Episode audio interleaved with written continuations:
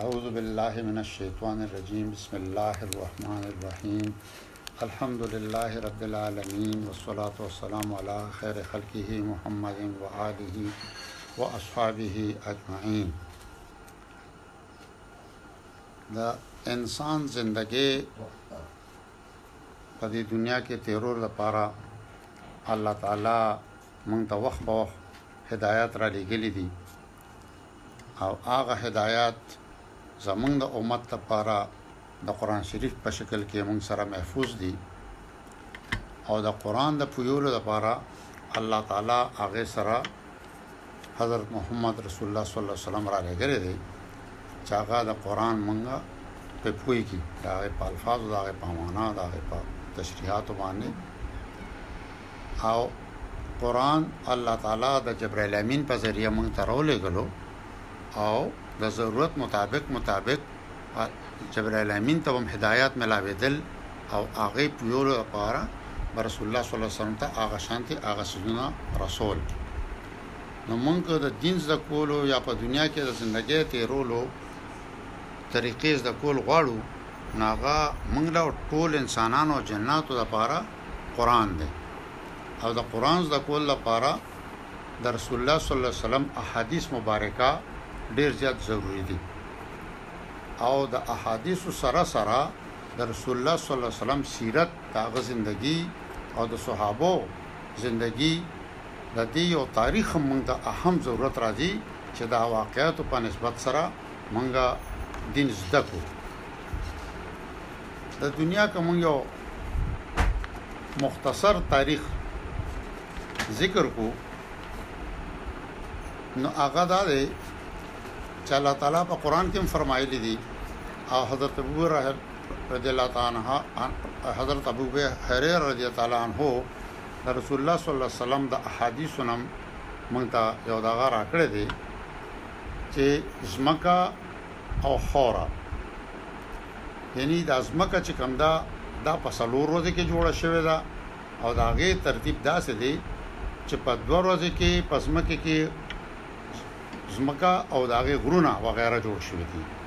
او د هغې بیا په دوه ورځې کې د دې د انسان او د حیواناتو د کل مخلوقاتو چې څومره ضرورت په قیامت پر راځي د هغوی د ضرورت زندګۍ لپاره ضروري سيزونه دا بیا په دوه ورځې کې جوړ شوي دي دا څلور ورځې شوې بیا په دوه ورځې کې الله تعالی اسمان ته متوجه شوې دي او هغه په دوه ورځې اسمان او هغه چې څومره فلکیات دي نور ستوري سپومه او داغه څومره ضروری سيزونه دي دا ټول چې کوم دي دا په شپږ ورځې کې مکمل جوړ شوې دي دا دوه ورځې کې د اسمان څلور ورځې کې د ځمکې په یو ورځ کې ځمکه او په هغه د پاسه غرونه او په دوه ورځې کې د مخلوقاتو د ضرورت څیزونه دغه شان یو تفسیر د دې بیا راځي چې دا خوره او زمکه چې کوم دا د هفته پر ورځ جوړه شوې ده او رونه چې دي دا پکې د اتوار پر ورځ جوړ شوی دي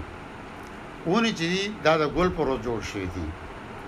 او نور مکروهات چې دي دا د منګل پر ورځ جوړ شوی دي دا نه په ورځ رڼا چې دا د بوت پر ورځ جوړه شوی ده او دا ځناور چې څومره دي دا چوپای وغیره دا د جمعرات پر ورځ جوړ شوي دي او ادم علیه السلام دا د جمعې پر ورځ د مازیګر او د شپې تر منځ وخت کې جوړ شوی دی دا د دنیا د جوړېدو یو رپورټ دغه دی بیا مفسرین د دې اسمان د سيزونو متعلق دغه کوي چې و سیاره داسې دي غټه غټه لکه قمر موږ چاته سپومه وای په لومبي اسمان کې دویم ورپسې عطارد دی په دریم کې زهره ده څلورم کې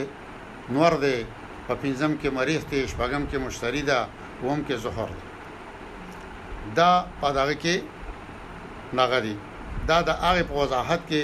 حضرت عباس رضی الله عنه دا دا کړی چې اذا الشمس کویرت ها ته دا الله تعالی دا سيزونه دغه کړي دي او دا به قیامت پر ورځ دا ټول سيزونه به دا چې کوم سپومه ستوري سيزونه دي دا به قیامت پر ورځ په سمندر کې ډبو کېږي او د دې رڼا باغ سمندر کې ډوب کېدو سره هغه رڼا به دې زایل شي ختمه وشي او د دې نه پس به یو ګرم هوا راشي او هغه حرارت به هر طرف ته ورسیږي او هغه حرارت به په آتش دوزخ کې او دا ټول دغه چې کوم په آتش دوزخ کې به دغه شي دا بیا مطلب چې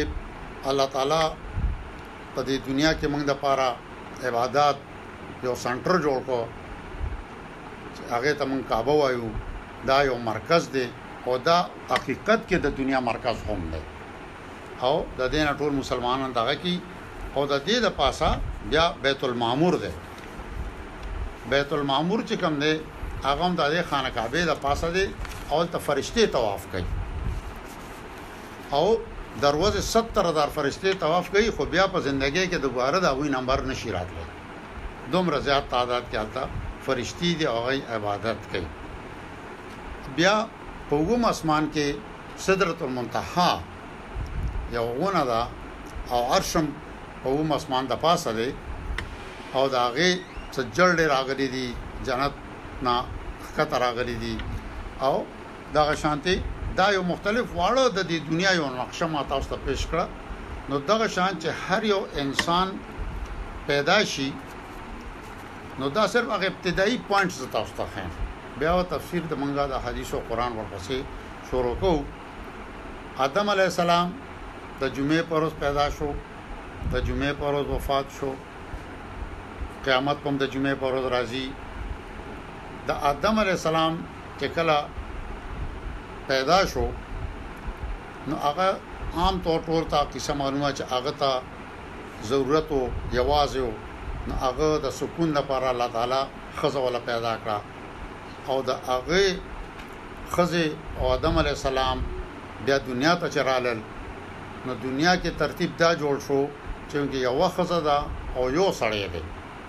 نو دوی اولاد شو د نسل لپاره نو دا نسل و بڑاویږي په پاکیزګي او د غسر سینګه نو په یو وخت کې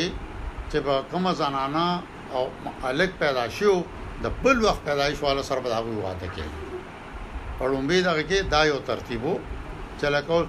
دی وخت کې یو الګ پیدا شو یو جنې پیدا شو په بل وخت کې بیا بل الګ او بل جنې پیدا شوې دي هغه دواړو واده نه کېده د هغه جنې به د لومبي وخت الګ سره واده کېده او د لومبي وخت جنې واده به هغه دویم وخت یعنی په یو وخت پیدایش سره نه دا یو ترتیب جوړ شو د هغې نه پس بیا د رشتو دغه وروسته بیا قایم شو چې دې دې رشتو سره واده حلال دی حرام دی دا الله تعالی هغه کو او ادم علی السلام چې وفات شو نو چې په دنیا کې صدا سيزونه نو نو کفنم جنتی راغې ها قبرم فرشتو ولا تیار کو ها او هغه ته غسلم ورکړ شو او هغه وخت کې یو ځای کې ذکر راځي چې د بيرو په پتو سره ولا غسل ورکړی شو او زمونږ رسول الله صلی الله علیه وسلم دا مونږ دا ریکمنډ کړی دی چې تاسو هم کله مړی له غسل ورکوي نو بیر پته وشه په هغه بوی دا کې په اخیری دل کې په کافور هم واچوي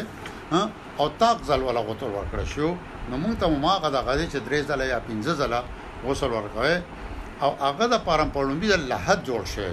نو لحد او شق دا دوه قسمه زمونږ د پاره دي زمونږ رسول الله صلی الله علیه وسلم د پاره لحد جوړ شو دا غي نه پس دا غوي جنازه وشو او دغه شانتي هغه دفن شو بیا د تابوت دا دغه چې کوم دی دا د نوح علی السلام د وخت نشورو شو چې هغه سیلاب کې ادم علی السلام دا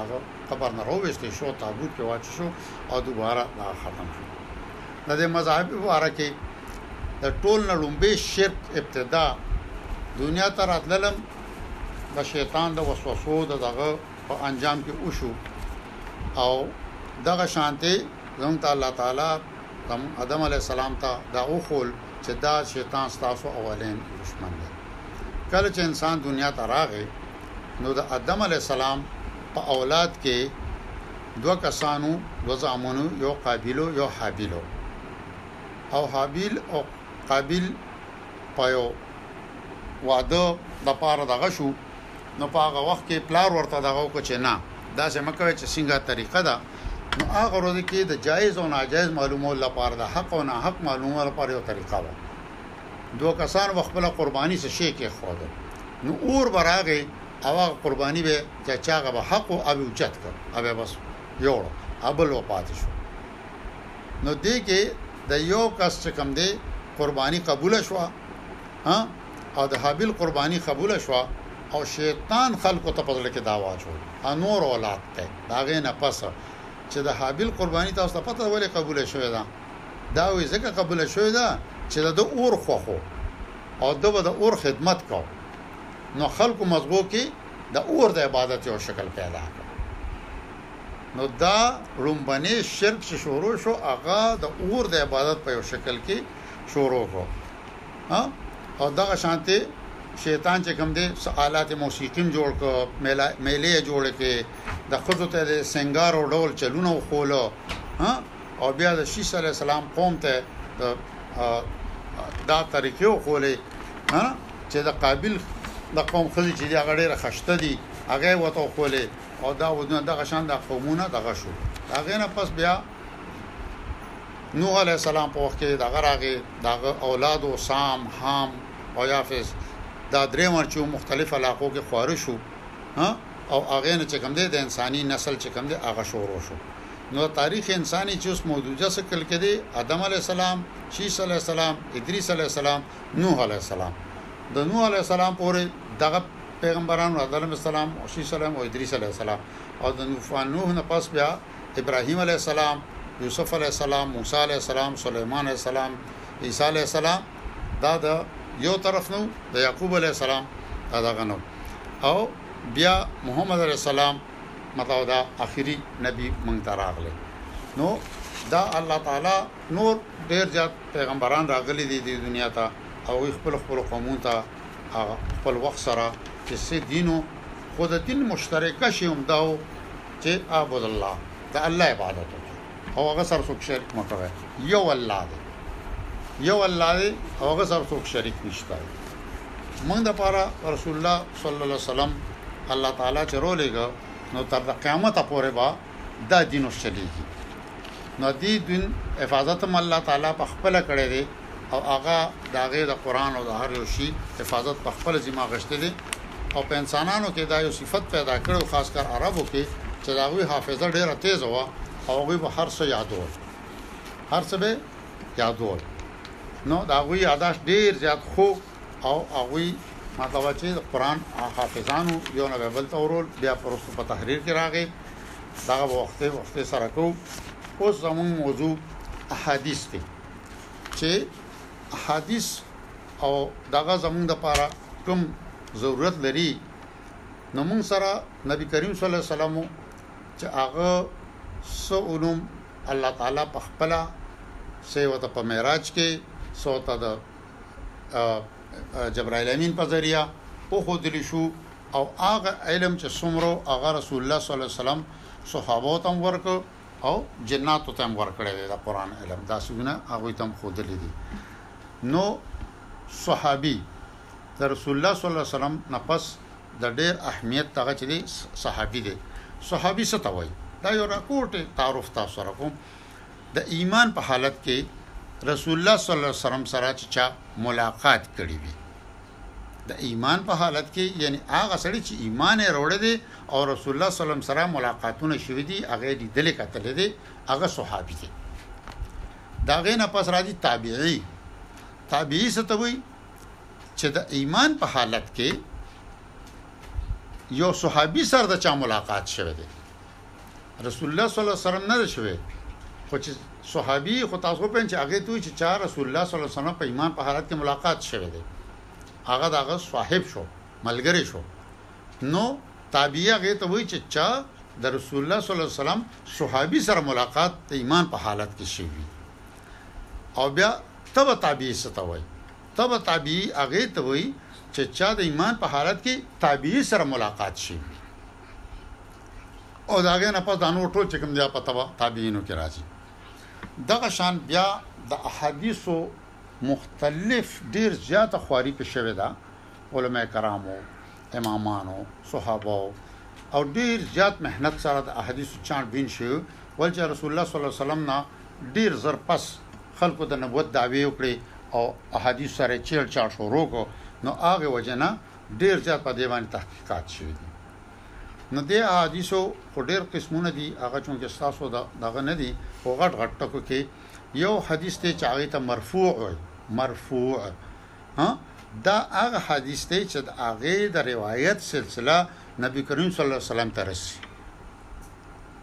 چې یو سړی بیانوي چې ما د خپل فلاني استاد نه وروي هغه د فلاني نه هغه د فلاني نه هغه د فلاني تابعی نه هغه د فلاني صحابي نه او هغه صحابي د رسول الله صلی الله علیه وسلم نه اوریدل مرفوع دغه ته وایي بیا د مرفوع کې ډېر قسمونه چې یو کس راوړی دی دوه کسانو راوړی دی دریو کسانو راوړی دی مشهور دی ډېرو زیاتو کسانو راوړی دی نو ړومبنی حدیث چه کوم دی هغه هغه چه د هغه سلسله روایت رسول الله صلی الله علیه وسلم ته ډاریک اورسی بیا یو موقوف دی موقوف هغه حدیث روایات دی چه هغه په صحابی باندې اورسی او ختم شي صحابیه خبره کوي هنه خو مخکې د رسول الله صلی الله علیه وسلم سره ډاریک کولی نشي هغه کله نا کله د حدیث شکل کې کله د حدیث اثر وي هغه ته اثر وي بیا دریم نمبر د اثر دی دغه تم روړې چې هغه ته مکتوب وي اته شوی ها یا اثر چې د هغه سند چې کوم دی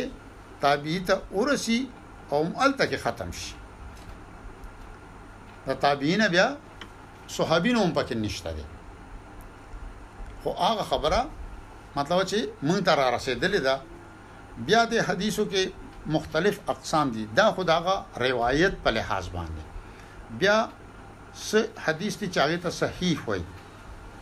هغه ټول راویان هغه ټول لیکل کولنه چې واخلې چې چا نبی کریم صلی الله علیه وسلم پورې چې هغه مطلب نبی کریم صلی الله علیه وسلم وخت پورې او هغه صاحب عدالت وو، انصاف وو، یعنی څه غلطی ترې نه شوه، صاحب ضبط وو، یعنی غصه، جذباتی یا داسې انداز به پکې نه راته، مسلمانان وو او عاقل او بالغ وو، عاقل او بالغ وو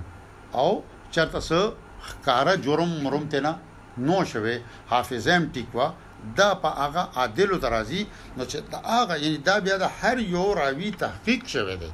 چې هغه په دې معیار پوره ختلی دی نو هغه هغه راوړلي حدیثو ته صحیح حدیث ویلی دی بیا هغه پسې بله یوه درجه د حدیثو ده چې هغه ته حسن وایي چې د هغه راویان هم هغه ځای ته رسي او ما هغه ځایونو ته رسي خو په هغې کې چرته منځ کې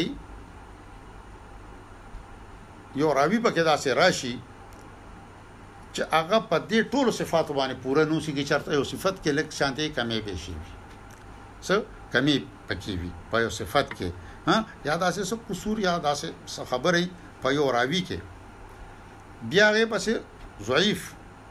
ضعیف هم دغه راویان دي خو چې هغه کې د یو نه زیات راویانو کې د صفت عدالت چې کم دی یا د ضبط دا مفقود وي دا نوی موجود د یو نه زیاتو کې دا لومنه روز دا صرف تعارف کو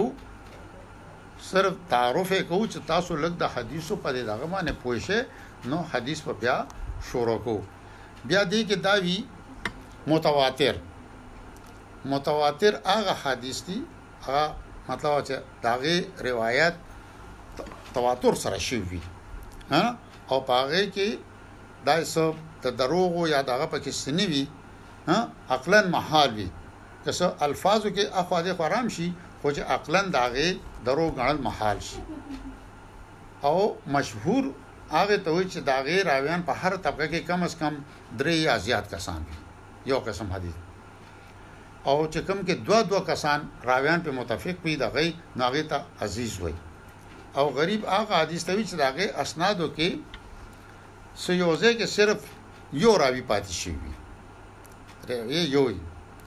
دغه شان بیا زمون په وخت کې چې اوس مونږ سره موجوده کوم د احادیثو کتابونه دي داغه یو جلک باندې تاسو ته مختصرا دا کو هغه کې د ټول زیات مشهور چې کوم زمون دی پاکستان هندوستان بنگلاديش دې نور ملکونه ایشیا و غیره کې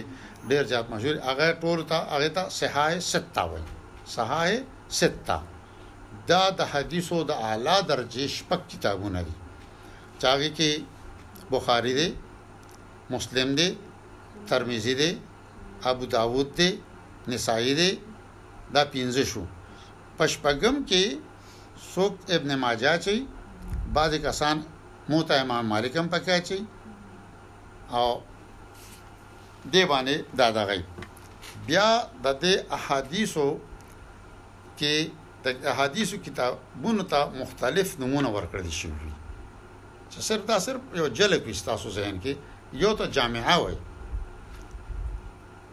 دا د حدیثو هغه کتاب کې چې هغه کې تفسیر، عقاید، آداب، احکام، مناقبت، سیر او متو علامات او د قیامت وغیره دا ټول مسائل پکې درج وي مثلا بخاری او ترمذی کې دا ټول شته دغه ته جامع جامع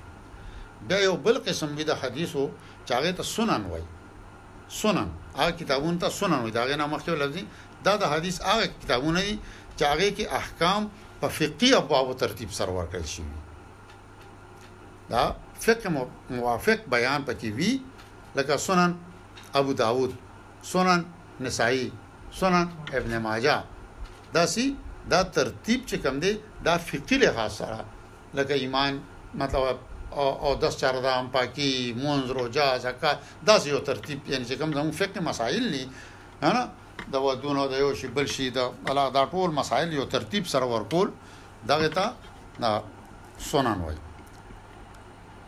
بیا مسند وی یو طریقه چې هغه د صحابه په ترتیب سره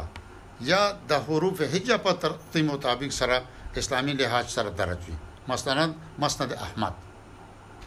هغه په دې ترتیب سره الفابیټیک آرډر کې او د صحابه په کرم چې کوم ترتیب دی یو بل قسم دی هغه ته مستدرک وای دا هغه کتاب دی چې س احادیث بعض کتابونو لکه امام بخاری یا امام مالک سر احادیث موجود وي صحیح صحیح وي ارڅ ټیک وي خو هغه هغه پریخي وي نو هغه تکمیل یې کړي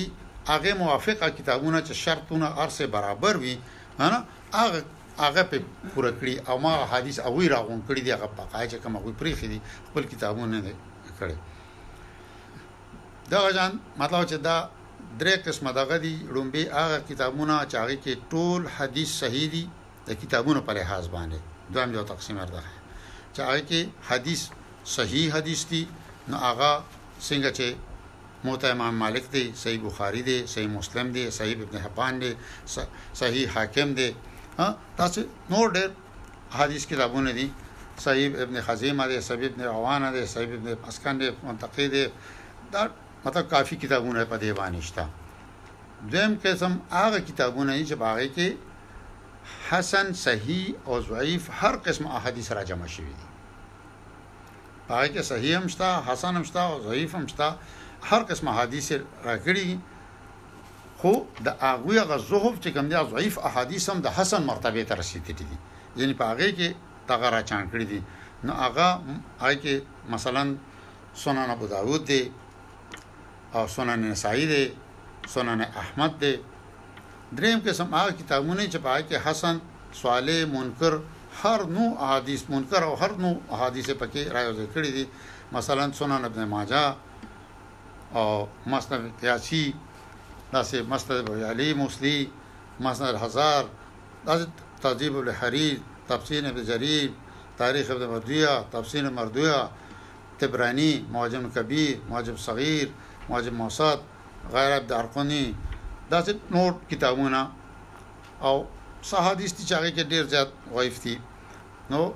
د حدیث چې کوم کتابونو کې په هغه کې امام بخاری او مسلم یو ځای شي په هغه باندې نو هغه ته متفقن علی وای دا د حدیثو یو رکورټ جلکو چې ما دا غیا قسمونه تاسو ته دا کړل او اوس به موږ یو حدیث مبارکه دغه کو نو سبا نه بیا دغه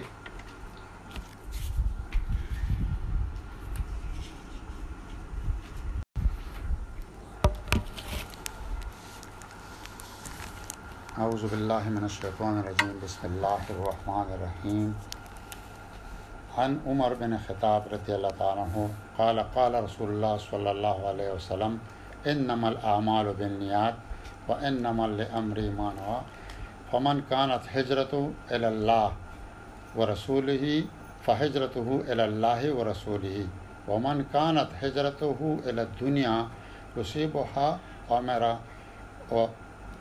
وامرأة يلتزمها وحدها فهجرت الی ما ها جر الیه دا یو حدیث مبارک چې راوی حضرت عمر رضی الله تعالی عنہ دی او هغه فرمایي چې رسول الله صلی الله علیه وسلم او فرمایل چې د اعمالو انحصار چې کوم دی په نیتونو باندې دی چې ستاسو نیت وي سده اراده وي نو تا ته به هر هغه شی ملاویږي او هر هغه سړي د پاره هغه څه دي چې د څه نیت کړی وي هغه یو مثالا یو دغه ورکوي چې چا هجرت وکړو د الله او د رسول لپاره په دې نیت باندې د کور روان شو چې زه هجرت کوم د الله او د رسول د دین د خاطره نو دا هجرت داغه چې دی دا د الله او د هغه د رسول لپاره دی او کوم سړی چې هجرت د دنیا د پاره وکړو یا داغه رسیدل یا داغه دغه چو دنیا وا یا د یو خزه د پاره وکړو چې یو خزه د مزه حاصله کوم نکاح په غرض باندې نو د هجرت هغه شی د پاره چې کم د پاره کړو یعنی چې کوم عمل مونږ کو چې هغه د الله د رسول لپاره وی نو مونږ ته پاغه اجر او ثواب ملاوي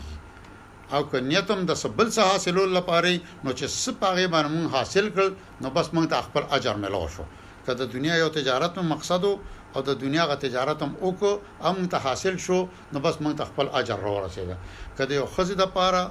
وشو، هغه ښځه مونږ ته په نکاح کې ملاو شوه، بس زمونږ ته خپل اجر راورسېده. نو هر یو عمل چې دی، د هغې دارومدار، د هغې ثواب چې کوم دی، هغه په نیت باندې دی. چې زموږ اراده څه ده، زموږ نیت څه دی، زموږ په زړه کې څه دي، دا کار موږ د چا لپاره کوو، آیا که دا موږ نمود نمایش لپاره کوو، نو که نمود نمایش موږ ته ملو شو، نو بس بیا زموږ څه اجر نشته دی. که یو عالم ډېرې ښې خبرې کوي او زړه کې دا راغی چې یاره بس خلک وایي چې یاره دا ډېر زبردست مقرر دی او هغه ته ویلي شو، نو په اخرت کې بیا څه اجر نه ملاویږي دغه شان که یو سړي تر د شهادت درجې پورې ورسیده او زړه کې دا راغلو چې یاره خلک وایي چې دا ډیر بهادر دی نو هغه ته په قیامت کې هم دغه ویل شي چې تا خو ویلي وو چې خلک وایي چې دا ډیر بهادر دی تا ته خپله بهادري دغه ملو شو ستا دلته څه شی پاتې نه شي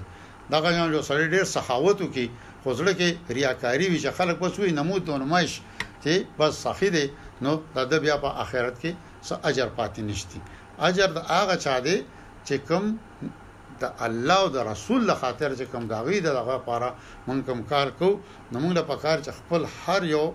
کار چې کوو چې هغه کې خالص نیت د الله د رضا لپاره وکړو یعنی دې کې دومره دی چې الله د رب اړه په مونږ سره یو سلام وکړو چا سره ملاوي دلم ملکو او چا نه رخصتي کوم د الله د رضا لپاره پاګه مونږ ته اجر ملاوي په ډېر معمولی معمولی شي باندې نو مونږ خپل نیتونه چې کوم دي ایمانونه مضبوطول پکار دي سبا له به ان شاء الله مونږه د ایمان باره کې او د اسلام باره کې چې کوم لومبه حدیث راځي هغه بیانو او نن د پاره دا کافی ده سلام علیکم دې ته د پاک الفاظ